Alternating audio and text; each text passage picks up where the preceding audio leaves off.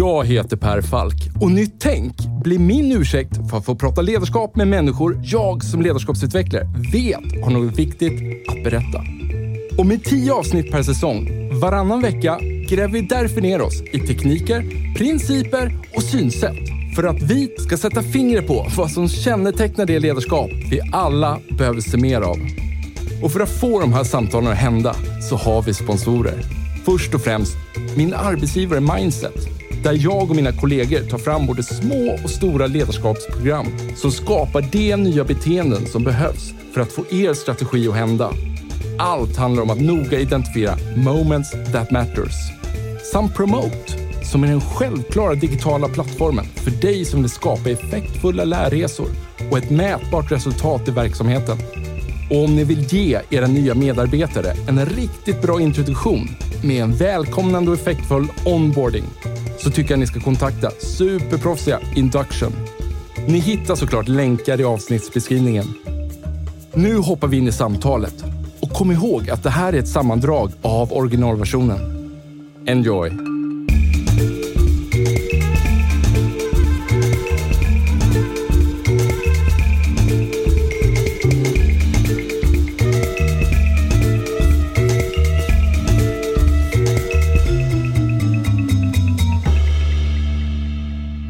Vad är din roll på Svenska Dagbladet? Min roll är just nu eh, lite spretig, höll jag på att säga. Jag, jag, jag, är egentligen från början civilekonomen som blev journalist och som eh, till slut eh, via liksom roll som eh, nyhetschef och några år i sydamerikanska djungeln och narkotikamarknaden, höll jag på att säga, landade i att jag blev totalt besatt av forskningen runt just lärande och utveckling faktiskt. Ja. Och nu driver jag en podd också på svenskan parallellt som jag jobbar med de här frågorna vetenskap, som vetenskapsjournalist. Vad heter podden? Podden heter Dagens story och fördjupar ett, i ett eh, nyhetsämne varje dag. Ja, men den är inte kopplad mot din roll som vetenskapsjournalist då? Nej, det är Nej. den inte. Och det hänger ihop rätt så mycket med allt det här som jag tror på. Att man kan utvecklas och göra massor med grejer. Och all vetenskap som säger att vår hjärna är plastisk. Ja. Den förändras utifrån hur du använder den. Du, eh, normalt så brukar vi liksom ha ett, ett tema i eh, varje avsnitt. Och jag tycker så att jo, men det blir ett tema här också, men den röda tråden kommer vara liksom här, lite krokigare här. För att jag har ju då, som sagt, jag, jag, jag har läst din bok, jag har läst dina artiklar och så har jag valt då att tänkte att vi gör lite, som, lite nedslag i olika texter som jag tycker det finns en koppling till i, liksom, i ledarskapet eller som chef. Hur låter det? Det låter bra. Ja, vi kör. Jag tycker så här, vi lägger in en länk till de artiklar vi pratar i direkt i podcastbeskrivningen här. Och vi börjar prata om den här artikeln som jag vet fick väldigt mycket spridning och som kallas för, eller som handlar om vad du kallar intelligensfällan. Vad handlar det här om? Ja, men det handlar egentligen om att eh, vi hur vi agerar och reagerar och vad vi gör och så vidare handlar ju inte bara om vår intelligens utan det handlar om att vi påverkas av en, en massa andra saker. Mm. Det kan vara våra fördomar och förutfattade meningar och så vidare. Men det kan också vara det här som man pratar så jättemycket om med filterbubblor och så vidare. Vilken information som jag tenderar att ta till mig och vilken fakta som jag tenderar tycka är viktig och eh, till och med sann. Och också hur lätt eller svårt jag har för att ändra åsikt när jag väl har bestämt mig för någonting. Att allt det här finns också där och påverkar våra beslut och vad vi anser om människor, eh, hur vi ser på eh, de vi intervjuar i en anställningssituation, hur vi uttrycker oss eh, politiskt eller vad vi tycker politiskt eller om eh, klimatfrågan eller, eller vad det kan vara. Begreppet bias, pass, passar det in i det här? Precis, det är just det som det handlar om. Ja. Eh, och en av, de här, de, en av de mest intressanta grejerna tycker jag är just, just det här hur vi alltid tenderar att ta till oss den information som stödjer det vi redan tycker. Mm. De de åsikter som vi redan har. Och det här finns, ehm, det är många studier som är gjorda på det här så att det är inte något som bara är påhitt. Liksom. Confirmation, Confirmation bias. bias, ja, exakt. Ehm, det är ju det här att om du ehm, du har argumenterat väldigt mycket för, säg en politisk sida. Liksom. Du, du är påläst, du driver det här i diskussioner med dina vänner och på Facebook och så vidare.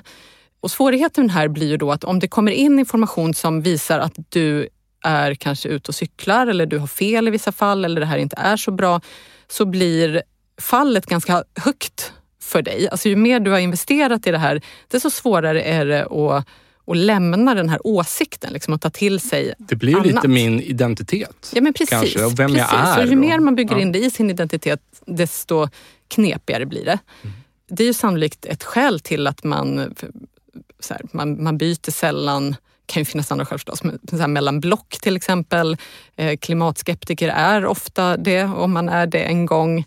Det spelar inte någon roll egentligen om det kommer fram nya forskningsrön som, som då säger emot det du tycker, för det går alltid att hitta någonting som, som stödjer det du tycker. Ja. Så är det nästan alltid med, med internet idag och man kan ju själv då välja hur källkritisk man, man är till exempel. Ja. Och kanske tvärtom då, då, om man inte är klimatskeptiker så... Så tar man, tenderar man att ta till sig kanske sådana forskningsrön och så vidare. Så det är ju verkligen åt båda håll, eller höger eller vänster om vi pratar politik. Och eh, just det här att det, det, kallas intelligensfällan. Att ju mer påläst du är, ju mer kunnig du är liksom och, och Eh, du tar till dig forskning och så vidare, så tenderar du nästan att istället för att då vara öppen för nya argument, att du blir ännu mer, det blir ännu mer polariserat. Att du tenderar ännu mer att hålla fast vid den här åsikten som du redan har. Mm. Så bara det att man då är eh, har ett högt IQ är långt ifrån ett bevis för att man, man på ett objektivt sätt tar in information.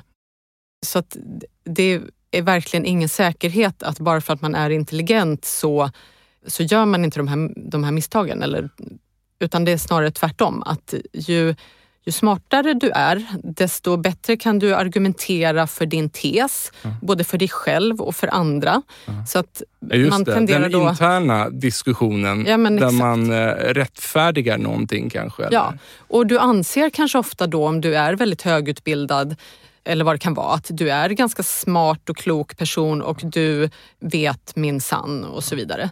Så det här gör att man har sett faktiskt att eh, mer intelligenta personer tenderar att ha en större blind fläck om man kallar det för det, eller så här, tenderar att falla eh, djupare i just det här, eh, framförallt när man handlar om det här confirmation bias. Förmodligen är man kanske också rätt duktig inom ett område. Och då kanske det där blir också någon känsla av att eftersom jag är jäkligt duktig på det här, då när man ställs och ska ha, tycka någonting om något helt annat område, så kanske man bara på något sätt utgår från att jag kan det också. Precis. Det är en annan sån här grej som man faktiskt har sett också i studier, att, att man just tenderar att om man är väldigt, eh, väldigt duktig och kanske har en hög utbildning eh, inom ett område, så tar man sig rätten att applicera det här på andra områden där man kanske inte har någon kunskap alls? Jag, jag läste en annan undersökning som handlade om alltså så här, ja men hur, alltså någon, eh, hur forskningspengar anslås i USA. Och ju mer senior man är inom sitt område, desto mer ovillig är man att tillskjuta forskningspengar som skjuter på ett gammalt problem från en helt ny vinkel. Mm.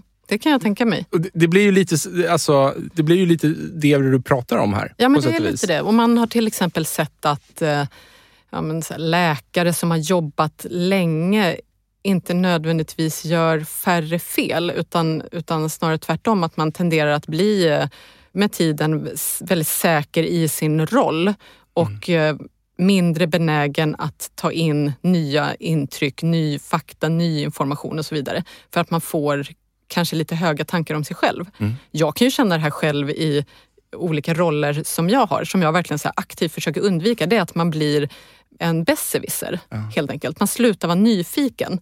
För Det är också det som brukar vara så nyckeln till allt det här. Hur kommer man ifrån det här? Ja, men det är en, en genuin nyfikenhet, ett öppet sinne och också så veta att jo, det finns det här och du påverkas också. Mm. Och när man sitter där och så intervjuar någon för ett jobb, liksom att veta att jag har alla de här åsikterna och förutfattade meningarna och fördomarna som kommer påverka hur jag tolkar den här personen och dens svar. Ja. Det vi säger här, vad vi har slagit fast är att även om vi är väldigt duktiga på ett område eller väldigt smarta så har vi liksom blinda fläckar som är väldigt svåra Precis. för oss att, att ens veta om att vi har. Ja. Eh, för det är någonting i vår eh, hur vi är kopplade i huvudet som gör att vi inte ser de här blinda fläckarna. Mm. Och vad, då blir det så här, om, om vi bara vet att bias då finns, det finns en massa olika typer av bias. Liksom. Vi pratade om, om en eller några här. Eh, men om vi är medvetna om att det finns, räddar det situationen? Gör det då att vi kan se de här blinda fläckarna? Ja, nej, egentligen inte eftersom vi kommer tro att det här gäller andra men inte mig. Exakt. Det är det som är problemet. Så man, man måste faktiskt både ha en övertygelse om att det finns och att det gäller även mig. Och hela tiden så här, verkligen, verkligen tänka det här. Och som sagt vara genuint nyfiken. Det är faktiskt det enda knep skulle jag säga så här, inse att det finns, det gäller dig och var nyfiken och ställ de här frågorna till dig själv. Tvinga dig liksom. Och, så här, eh, läser jag det här och tycker jag att det här är bra och vettigt för att jag redan anser att. Ja. Liksom. Någonting jag funderar på när man ska ta liksom, tyngre beslut och kanske sitter då i, runt ett mötesbord. Skulle man kunna ta alltså, varandras alltså argumentera ur varandras perspektiv. Ja, men det är, ju ett, det är ju ett väldigt bra knep. Det är ja. faktiskt ett sånt knep som man ibland lyfter fram också. Ja, att man byter roller. Ja. Att så här, om du ska hur går det till praktiskt? Ja, men då kan man ju faktiskt bara bestämma att nu, nu har du den här åsikten och argumenterar utifrån det. Det kan ju vara att man, man eh, ska lösa ett problem tillsammans. Ofta är man ju en, en ganska homogen grupp. Liksom.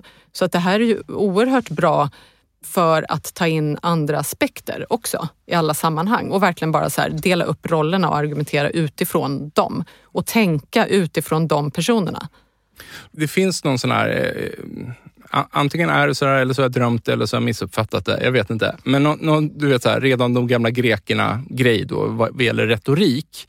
Att när man då stod och hade en debatt på något torg på den tiden så, så under debatten så skulle liksom eh, mottagaren av ens argument skulle repetera argumenten som den förstod det. Har du hört talas om det här eller? Nej. Nej, men, men, då, men det är men, spännande. Ja, men alltså, jag tycker det här det skulle man kunna ha som ett princip inom en arbetsgrupp eller en ledningsgrupp eller någonting inför beslut. Att, som jag har förstått det då, att står vi här och debatterar och då när jag har liksom lagt fram mina argument och så, så är det din tur. Då ska du säga så här, okej okay, Per, jag uppfattar det som att du eh, liksom försöker säga det här. Och då måste jag godkänna att, ja men bra, nu tycker jag att du har förstått vad jag menar. Och då går vi vidare i debatten. Då börjar du lägga fram dina argument. Så man inte pratar förbi varandra Nej. utan man möts ja, någonstans? Men, ja, men det där går ju att göra liksom en, en, ja, men en princip av på något sätt och formalisera. Ja men verkligen, för det är ju ett annat problem att man man tror att man uppfattar varandra men man, man säger inte samma sak som den andra hör. Nej. Ja. ja. jag läste någonstans också, eh, och vi, vi har, eh, begreppet empati är någonting som återkommit här i flera avsnitt, eh, speciellt säsong ett. Men den visade då den här undersökningen att aktiehandlare, vad säger man? Alltså så här, hedgefondförvaltare som hade en hög grad av empati var också effektivare i sina investeringar. Förklaringen där ansågs vara att har man en hög grad av empati så är man för det mesta också ja, men man är skicklig på att, att identifiera vad känner jag mm. just nu. Mm. Och i och med att jag kan identifiera vad jag känner så blir man lite bättre på att förstå om mina känslor just nu påverkar mitt beslut eller inte. Medan en person med lite lägre empati kan inte identifiera, man har ju, alla har ju känslor, men mm. den personen är även svårare att identifiera vad jag känner just nu och varför jag gör det. Ja, men det man brukar ju dela in det i två delar. Liksom. Så här, förstår du vad jag tänker och förstår du hur jag känner? Ja. Alltså att man så här, har Just det.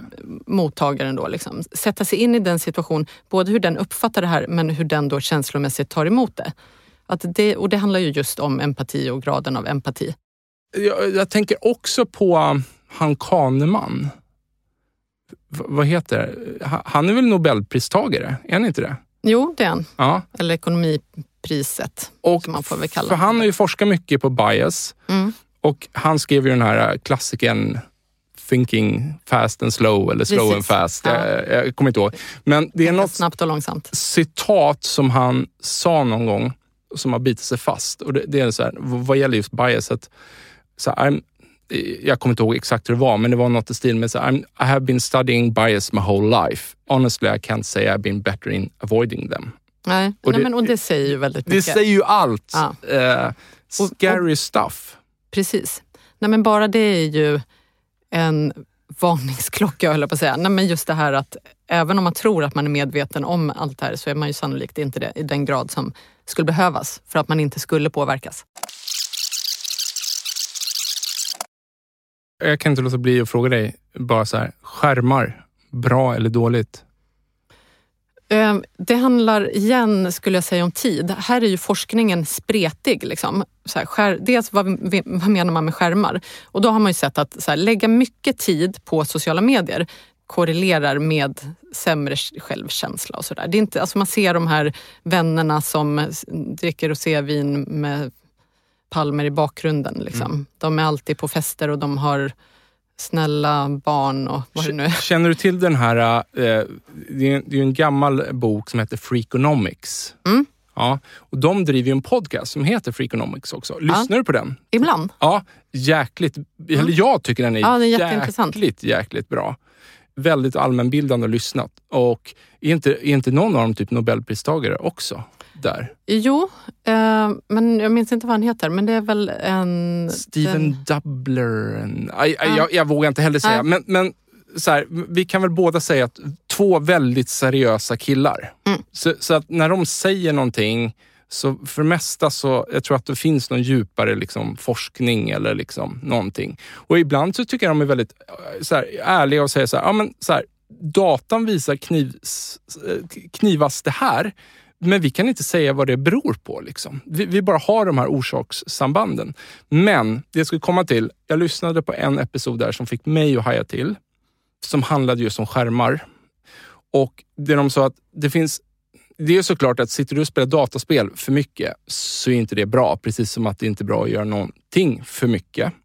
Men just vad gäller så här, psykisk ohälsa så såg man ett knivskarpt samband med sociala mediers intåg. Och det är det som är stora... Inte kopplat mot spel i Nej. sig, utan just sociala medier. Och det här Precis. fick mig att, att verkligen haja till. Liksom så att, oj, Men det är inte så konstigt när man tänker på det, tycker jag. För om man tänker på så spelande, då är det någonting som man gör tillsammans. mm, Det har, liksom, det har flyttat dit. Mm. Men man gör det i, i interaktion med andra och det handlar om något du gör. Det är inte du som bedöms, utan Mm. du, det är ett spel, du gör det här. ja, ja. Eh, Du kan bli bättre, du kan vara dålig och så vidare, men ja. du kan träna. Så här, men sociala medier, där är det hela tiden mm, du som bedöms eller döms. liksom. Ja. Och du ser hela tiden då hur andra, hur framgångsrika och lyckliga andra är. Mm. Eftersom ingen lägger ut när man har bråkat med sambon eller känner sig ful eller vad det nu är. Liksom. Så där är ju, jag, och, och en annan grej som jag brukar lyfta det är ju just här, tiden du lägger ner på det. Ja. Istället för att göra sånt som man då så bevisat mår eh, bättre av. Som att sova fler timmar, att eh, motionera, att träffa vänner. brukar vara de grejerna man, man lyfter. Liksom. Det verkar ju vara framförallt tjejer som fastnar i det Ja. och killar ägnar mer tid åt att spela. Ja. Så därför har man också sett att tjejer verkar påverkas då sämre av skärm. Mhm. Men jag tror det går verkligen inte att säga skärm. Skulle jag säga.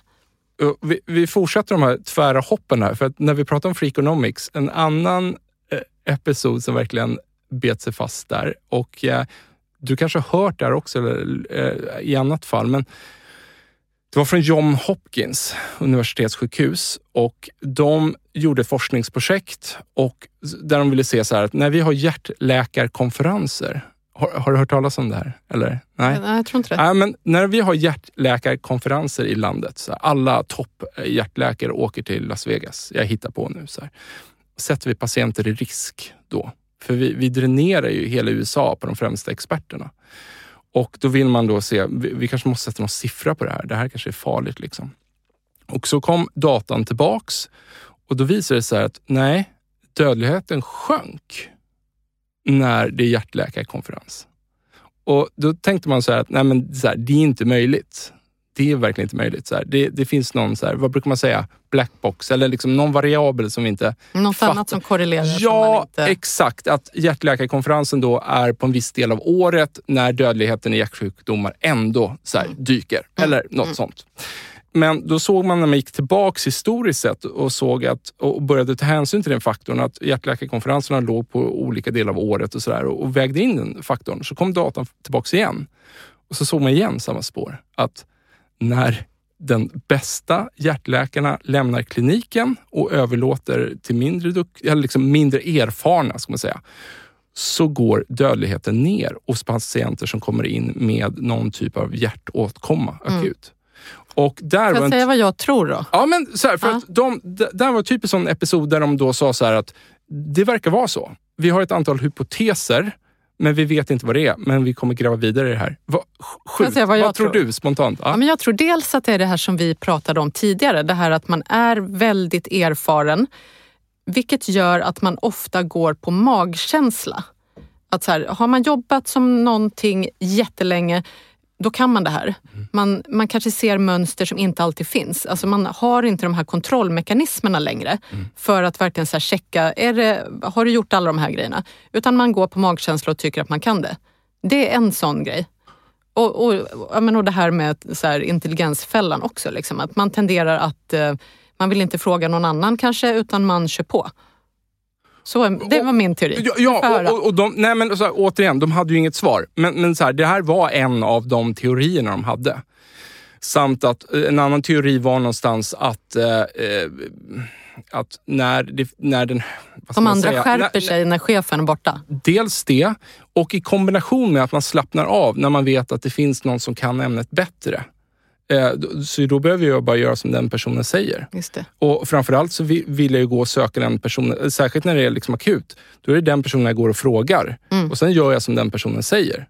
Här måste jag ju ta ett eget beslut. Och då var det, då, det spåret spretade också. Då, då menar man att det kanske också kunde vara så att de här seniora hjärtläkarna, att det är så viktigt för dem att alltid ha svar inför de juniora läkarna. Så att så fort det kommer in en hjärtpatient så, så tar han eller hon ett beslut direkt.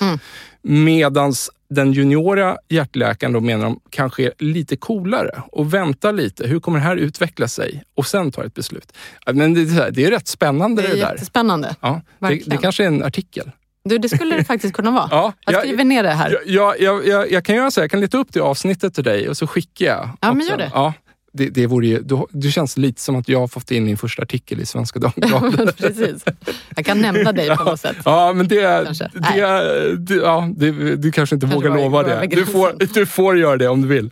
Eh, du, nu gör vi så här då. Den här röda tråden då som inte skulle vara spikrak. Nu, nu blir det en knut på den då. För nu tänkte jag så här, nu, vi lämnar IQ och så pratar vi lite om eh, personlig effektivitet. Det är ju spännande. Det är ju spännande och där har du också skrivit väldigt bra grejer och det roligaste egentligen så här, höra vad, så här, vad har du ställt om i dina vanor efter det du har lärt dig? Jag lär mig så mycket hela tiden av de här grejerna. Mm. Just vanor, att skapa nya vanor eh, och få bort dåliga vanor är väldigt, väldigt spännande tycker jag. Mm. Så man kan ju prata om det på några olika plan. Alltså, så dels här, hur får jag en effektiv arbetsdag till exempel? Och då är det ju här grejer som att eh, kolla inte mejlen din bästa stund på dagen. Vi, man vet ju egentligen när man är som mest produktiv och effektiv. För mig är det på före klockan ett. Kan jag, säga. Mm. jag skulle säga att efter 15 så är jag hälften så smart. Mm. Det här finns också en massa studier som visar faktiskt att vår intelligens skiftar över dygnet och det hänger ihop med allt med så blodsocker och sömn, och, men även annat verkar det som.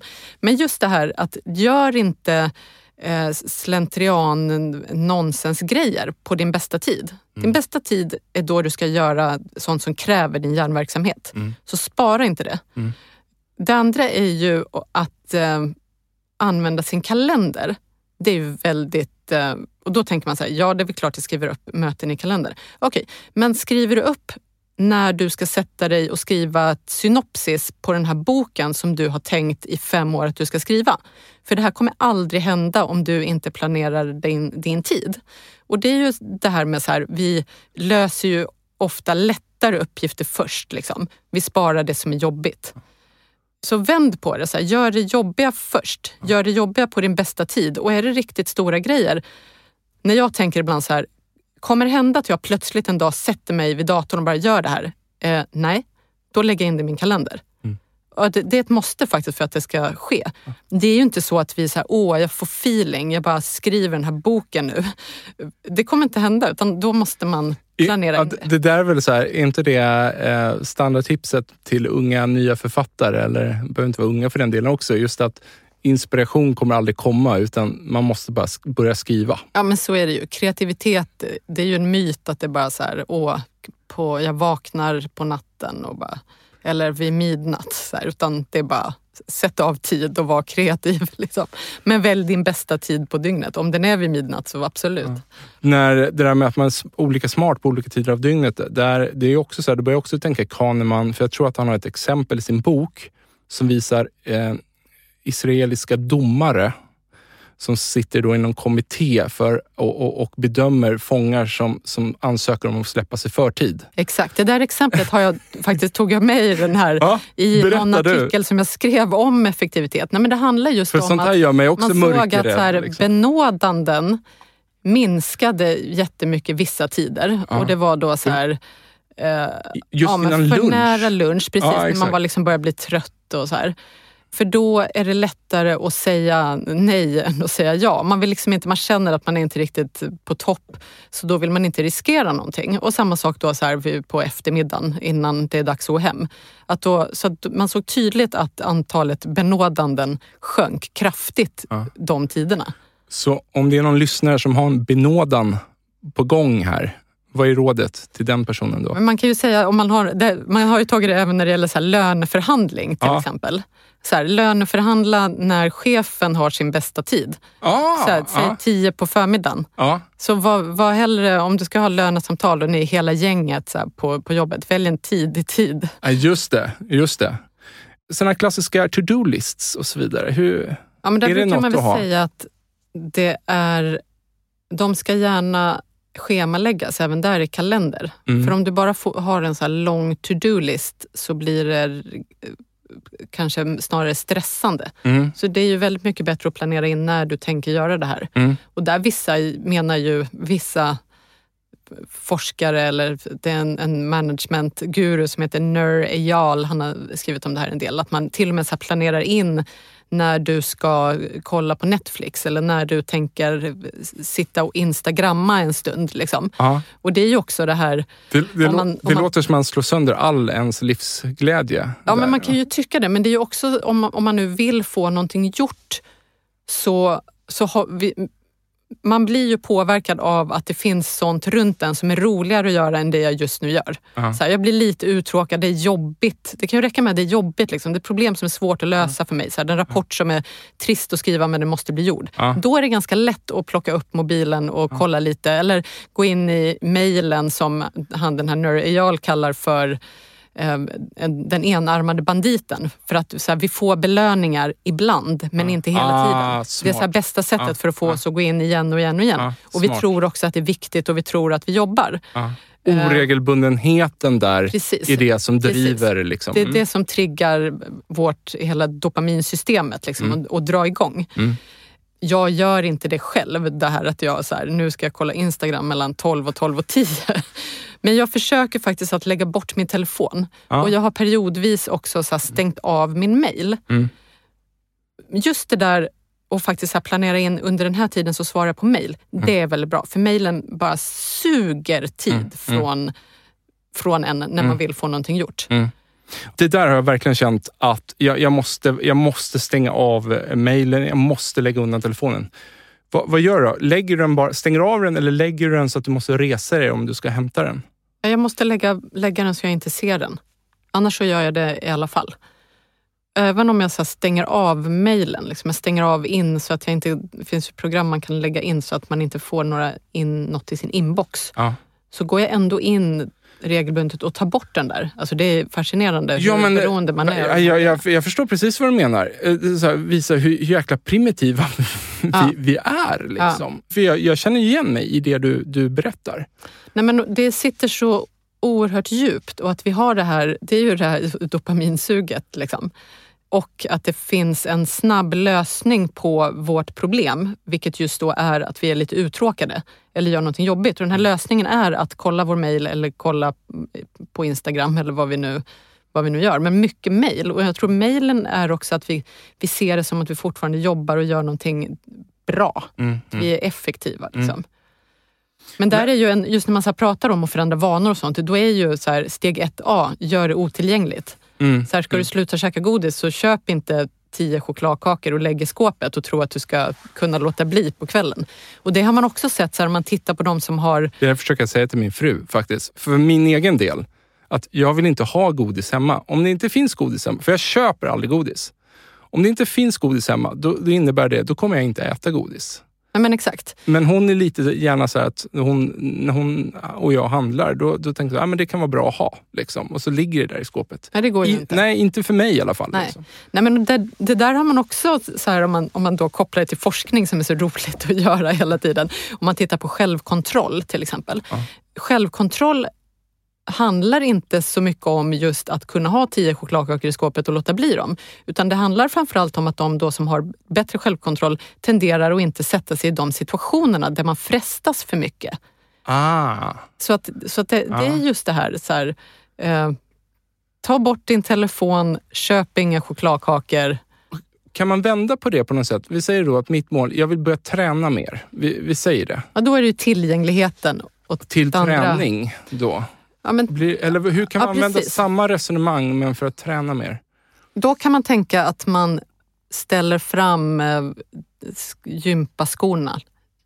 Eller vad, vad man nu har, eller Pack- kallar det. pack- Packar väskan. Precis, man Ja. packar väskan. Man bestämmer med en, en kompis, man lägger in det i kalendern. Man, man liksom så får, får bädda för att det ska vara väldigt lätt att göra det här. Mm. Och du kanske då gör någon besviken till och med om du inte dyker upp. Men just det här, så här ha, ha grejerna framme, gör det inte komplicerat. Hur ligger det till med pauser då? Eh, pauser är ju jätteviktigt.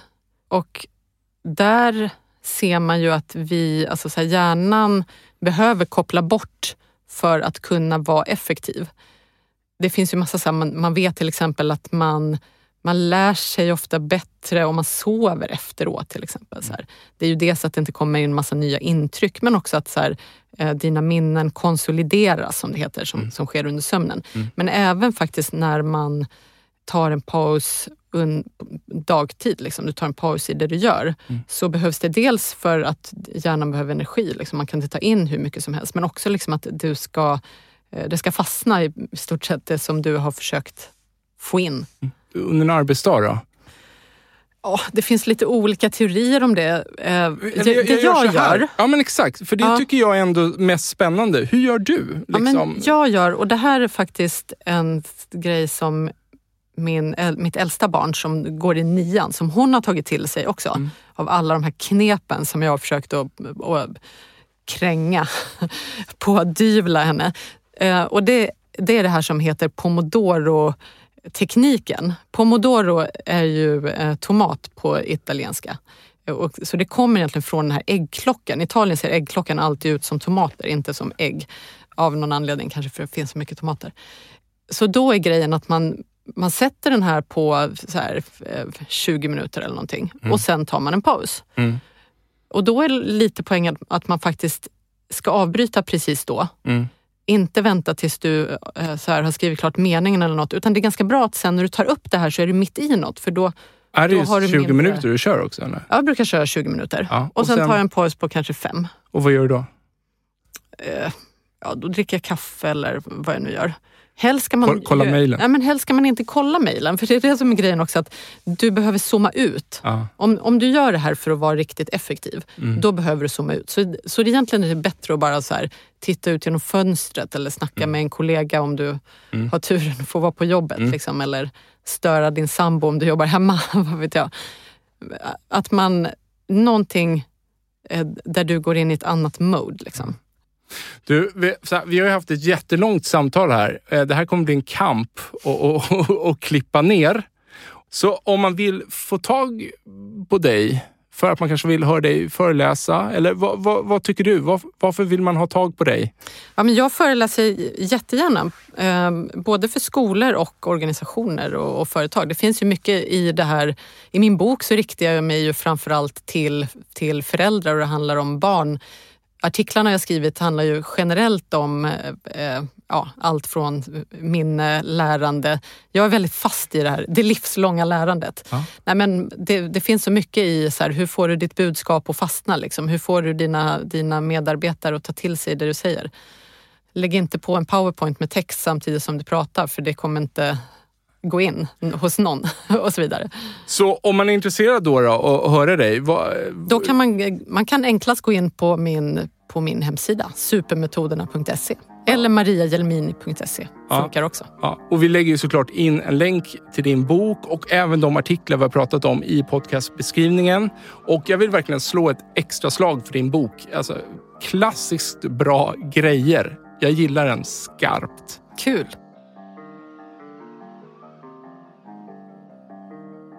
Hörni, tack till våra sponsorer Mindset, Promote samt Induction för att ni tror på den här produktionen. Ta hand om er.